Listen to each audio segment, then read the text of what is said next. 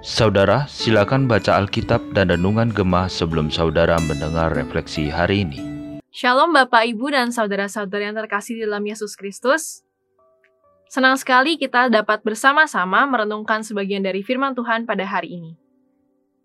Topik renungan Gemah pada hari ini adalah dijadikan pribadi yang berbeda. Sebelum kita sama-sama merenungkan sebagian dari firman Tuhan, marilah kita berdoa.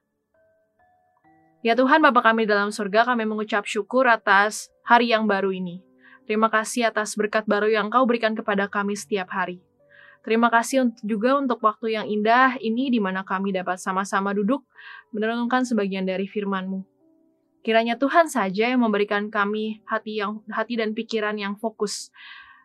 Tuhan saja yang menuntun kami agar mengetahui apa yang ingin Tuhan sampaikan kepada kami. Tuhan juga tolong bantu kami untuk dapat melakukan apa yang Tuhan sampaikan pada hari ini.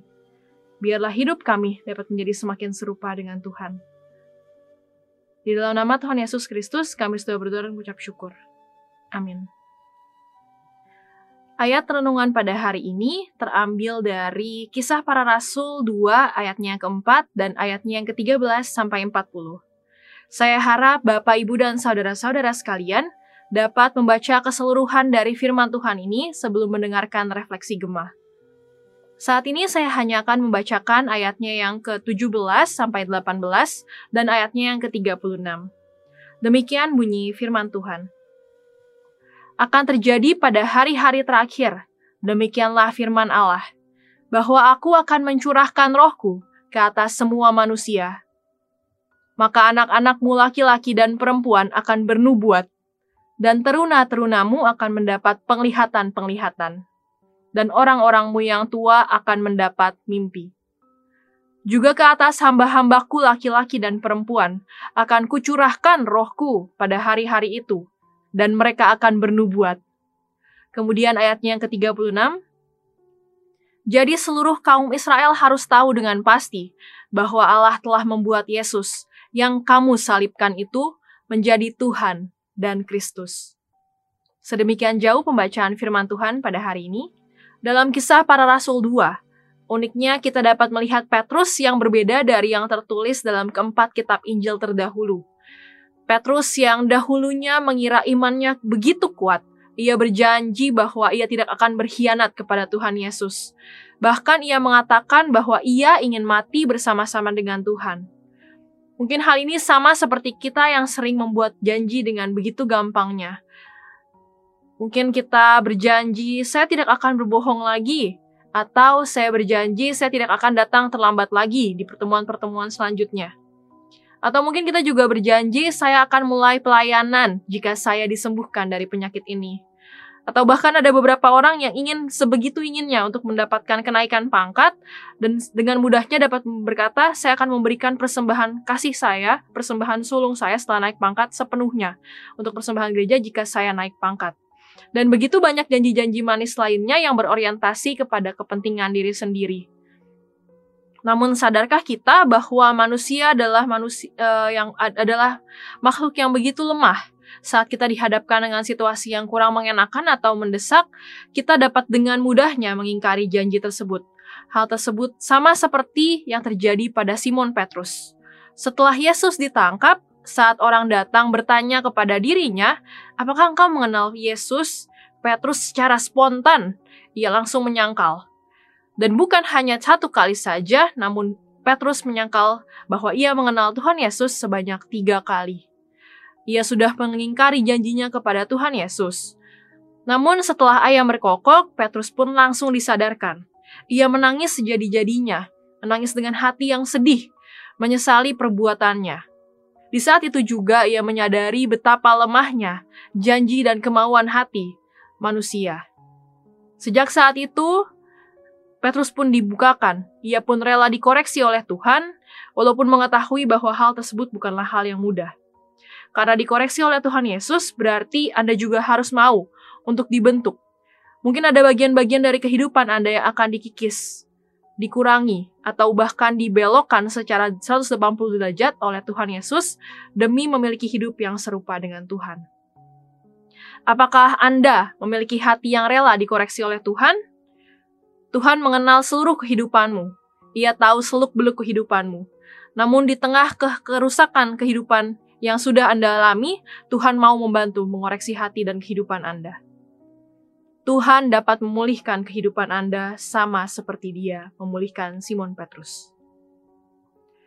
Sejak peristiwa tersebut, Simon Petrus belajar untuk berserah kepada Tuhan.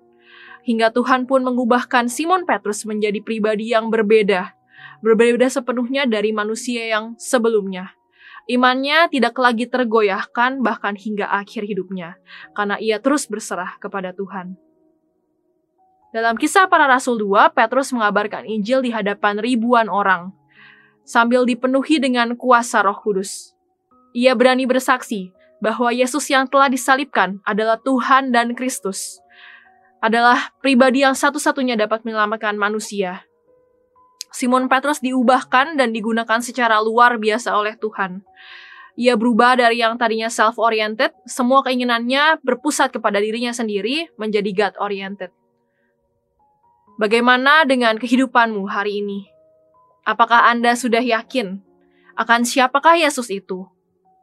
Siapakah dia bagimu? Mengapa Anda percaya kepada Yesus? Apakah Anda menyadari bahwa Anda adalah orang yang berdosa dan membutuhkan Tuhan? Apakah saat ini Anda merasakan kuasa dan pimpinan Roh Kudus dalam hidup Anda? Iman yang benar adalah iman yang tumbuh dari kesadaran bahwa kita adalah manusia yang berdosa dan memerlukan penebusan di dalam Yesus kita tidak dapat menyelamatkan diri kita sendiri. Karena kita seperti orang yang sudah jatuh ke dalam lumpur hisap dosa. Semakin kita berusaha untuk keluar dari lumpur hisap tersebut, kita hanya akan semakin terperangkap. Kita harus berani mengulurkan tangan kita kepada orang yang berada di luar lumpur hisap dosa tersebut, yaitu Tuhan kita, Yesus Kristus. Karena dialah yang dapat menarik kita keluar dari dosa, sehingga hidup kita pun dapat diubahkan dari yang tadinya manusia berdosa, kini menjadi hamba Allah. Petrus sudah ditarik keluar dari lumpur dosa, dan dia pun dipakai untuk bersaksi di depan 3.000 orang, di mana ketiga ribu orang tersebut banyak yang percaya, bertobat, dan memberi diri untuk dibaptis. Bagaimana dengan saudara?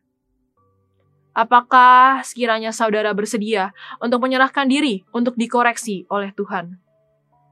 Apakah Anda rela diubahkan dan dipakai oleh Tuhan, kiranya Tuhan menolong kita semua untuk terus bertumbuh di dalam iman kita. Mari kita berdoa. Ya Tuhan, Bapa kami di dalam sorga, kami mengucap syukur untuk sebagian dari firman yang telah Engkau berikan kepada kami pada hari ini.